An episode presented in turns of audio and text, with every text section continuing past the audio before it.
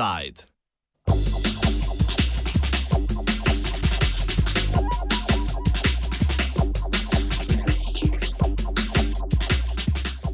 Lažna skrb za zdravje migrantov.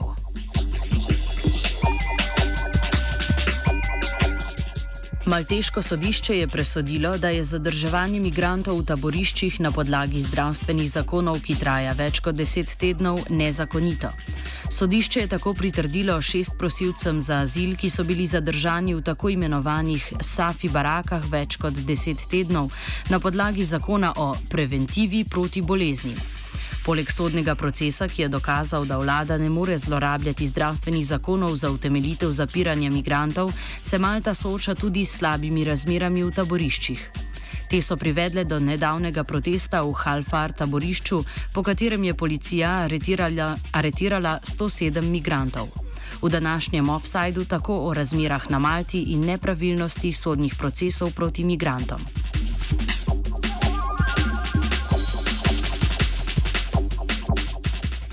Šest prosilcev za azil je v procesu tako pridobilo pravico svobodnega gibanja in bivanja v odprtih sprejemnih centrih. Nil Falcon, direktor nevladne organizacije Aditus, ki je azilantom priskrbela odvetnike, predstavi celoten sodni proces. Since about summer of last year, Malta has been detaining all asylum seekers rescued out at sea under Maltese laws regarding the prevention of contagious diseases. So the, the official legal excuse for their detention was, in fact, a health, a health ground. We spent months um, talking to government and trying to explain that that health legislation could not be used for asylum seekers for a number of reasons. Um, what we did two weeks ago is six men who were in detention decided to challenge the legality of their detention in court, and we represented them in court together with lawyers from another organization. What we argued that the health legislation does not authorize government to detain people for health reasons, but merely to restrict their movements. So to put limitations on how they can move around. But the law does not allow government to detain individuals. Furthermore, we noticed that all of the people in detention had actually already been medically screened and medically cleared days after their arrival in Malta. So the health basis, the excuse to prevent disease, did not stand at law. We made all these arguments before the magistrate. In response, government actually confirmed that they do not have any further reason, any more reason to detain the person. So there was no counter argument. They just agreed with every single comment that we made.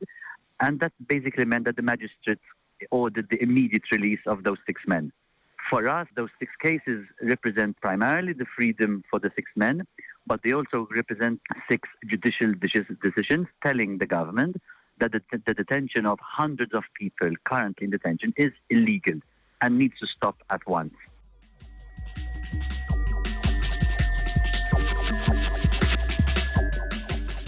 Zakoni o zdravju oziroma o ravnanju pri nalezljivih boleznih, na podlagi katerih je vlada zaprla migrante, sicer uradno veljajo za turiste, maltežane in begunce, ki bi lahko prinesli nalezljive bolezni. Falcon svojo trditev, da skrb za zdravje služi le kot izgovor za politično dejanje zapiranja migrantov v taborišča, potrdi z dvema argumentoma. Those are, those are two of the arguments made in court. One of them was that the government was using the health legislation only in relation to the asylum seekers rescued out at sea, but it wasn't using it, for example, against anybody else who was either coming from the same countries or traveling through those same countries. So we, we argued that there's, there's, there's, there's a very clear abuse of the legislation because it was only being used in relation to a very specific target group and not really based on any reasonable suspicion of a disease. What we also said, as I mentioned before, is that every single person rescued out at sea a few days after disembarkation in Malta undergoes a health test. All of our clients and all of the hundreds of people in detention did undergo this health test but they were never informed if they were screened positively or negatively. We, we, we questioned governments to say if you really are detaining them for health reasons, you need to show us that you have a reasonable suspicion that they have a disease, meaning that when you, when you did the health screening, they tested positive, that the response they did have a disease. From the government, including from the health authorities, was that, was that they do not have any valid reason under the health legislation to keep them in detention. So they were telling us that they were screened months ago, and they, that it turned out that they did not have any disease months ago. Nonetheless, they kept them locked up for, in some cases, over 100 days.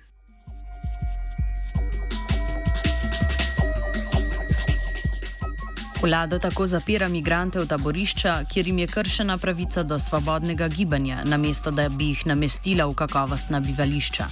Falcon predstavi problem malteškega pomankanja nastanitev za migrante in našteje možne rešitve.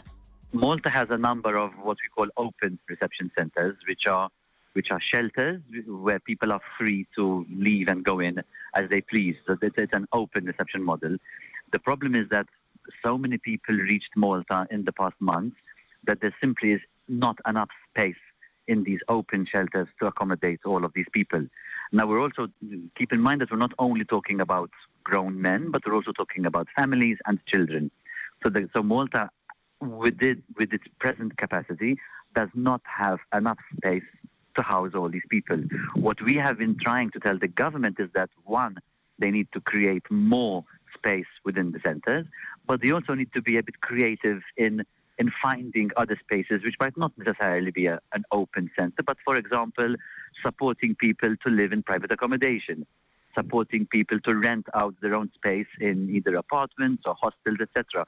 So, looking at a number of different models that can be used together to deal with the issue of lack of space. What we keep underlining is that the lack of space can never justify infringement of people's fundamental human rights. We have also repeatedly told the government that they should make urgent requests to the European Union for the EU to allocate, to grant Malta emergency funding for it to be able to implement all of these measures because they obviously come at quite a high cost. Um, but we, we have strongly advised Malta to speak to the European Union and the European Asylum Support Office for all the support the EU can bring, primarily financial but also technical.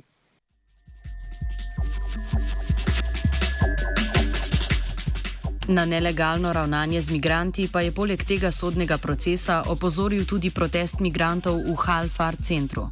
Halfar center je največji tako imenovani odprti sprejemni center. To pomeni, da imajo v nasprotju s taboriščem, v katerem je bila zaprta šesterica, migranti v Halfaru svobodo gibanja. Vendar pa tudi tu vladajo slabe bivanske razmere, ki so najverjetneje sprožile nedeljski protest. Na protestu je policija aretirala 107 migrantov. Falcono piše razmere v Halfaru. However, what I can definitely say is that the tension within these open centers has been extremely high for, for many, many years. You have hundreds of people um, uh, being accommodated in extremely substandard living conditions. Um, Halfar Center, where the riot happened, is essentially many, many rows of metal container units, you know, the emergency housing containers, which house between six to eight people. Um, there are communal showers and communal to- toilets, but never enough to, to cope with the huge amount of people in the centers. Again, we're talking about men, women, and even children. Um, so the tensions, the frustrations of people living there have been felt, and we have been warning government about it for many, many years. So probably what I imagine is that on Sunday something must have happened to really just push people overboard and express their frustration in the way that they did. As NGOs working in the field, we, we obviously do not condone or justify that form of violence, and we do condemn it definitely. However, we feel that government needs to look at it in its much broader context. It was not simply a riot, it was an expression of frustration by hundreds of people who need government to respect their rights more effectively.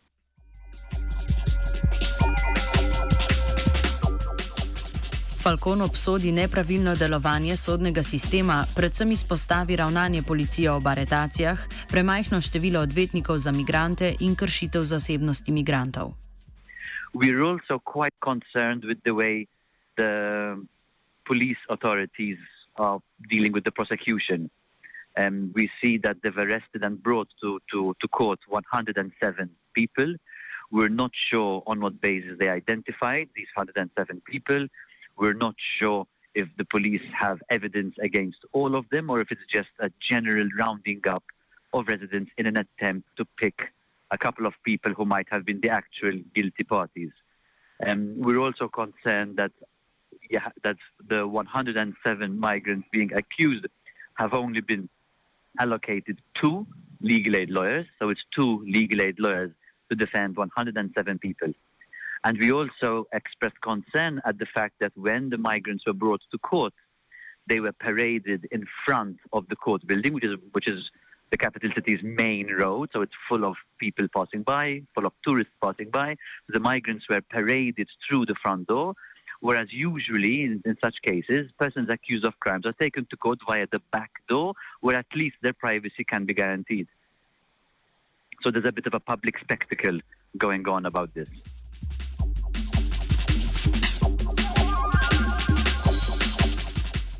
Seveda pa nepravilno, nelegalno ravnanje policije, slabe razmere v taboriščih in prelaganje odgovornosti za razmere med akteri niso omejene na Malto.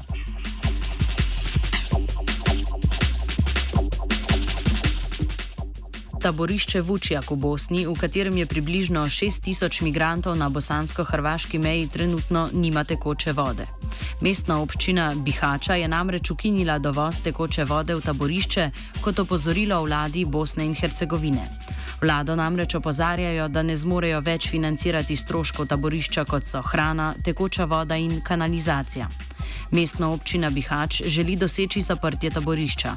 Povdarjajo, da niso prejeli nobene finančne pomoči vlade Bosne in Hercegovine. Zaprtje Vučjaka zahteva tudi Evropska unija, češ, da je taborišče prebližu, preblizu hrvaške meje, vendar pa Evropska unija zaenkrat ni ponudila nobenih sredstev za premestitev migrantov oziroma izgradnjo drugega taborišča. Novinarka Nidžava Ahmetaševič izpostavi dogajanje v taborišču Vučjak v Bosni kot še en primer izpostavljanja migrantov nevarnostim. Jedan od tih načina je njihovo smještanje na Vučjak.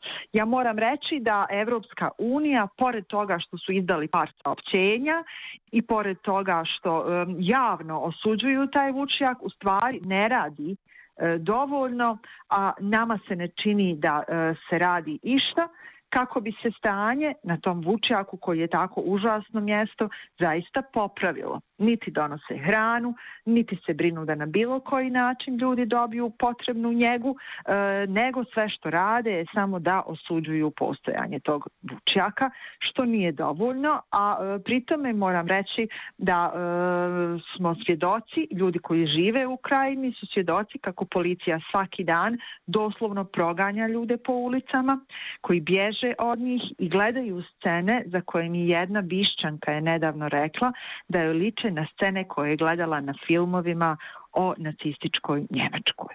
I to je strašno. Nidžava vidi trenutno kratkoročno rešitev predvsem v dodatnih sredstvih strani Evropske unije. U ovom trenutku ono što može biti brz odgovor je da se e, Evropska unija koja ima novac preorijentiše i da jednostavno e, nalaze smještaje za ljude u hotelima, hostelima, da ponude građanima i građankama Bosne i Hercegovine čiji kuće i stanovi su prazni s obzirom da ili nisu prisutni tu ili, ili iz bilo kojeg drugog razloga i da plate kao što u Grčkoj rade, plate najam za smještaj ovih ljudi. Inače ćemo imati e, još više mrtvih ljudi u Bosni i Hercegovini. Ove godine je oko 30 ljudi preminulo na ovaj ili onaj način. E, danas su mediji puni izvještaja o tome kako su se e, grupa mladića se potukla u, e, u Bihaću i jedna osoba je izbodena nožem. E, ponovo je riječ o, o izbjeglicama i migrantima. E, ljudi se plaše zato što ne mali broj e, izbjeglica i migranata ulazi um, samovoljno, da tako kažem, u, u, u kuće, tražeći sklonište. Oni najčešće ne kradu ništa, ali traže sklonište. Ali to jeste zastrašujuće, e, pogotovo ako u toj kući u tom trenutku neko boravi i može biti pogubno za sve.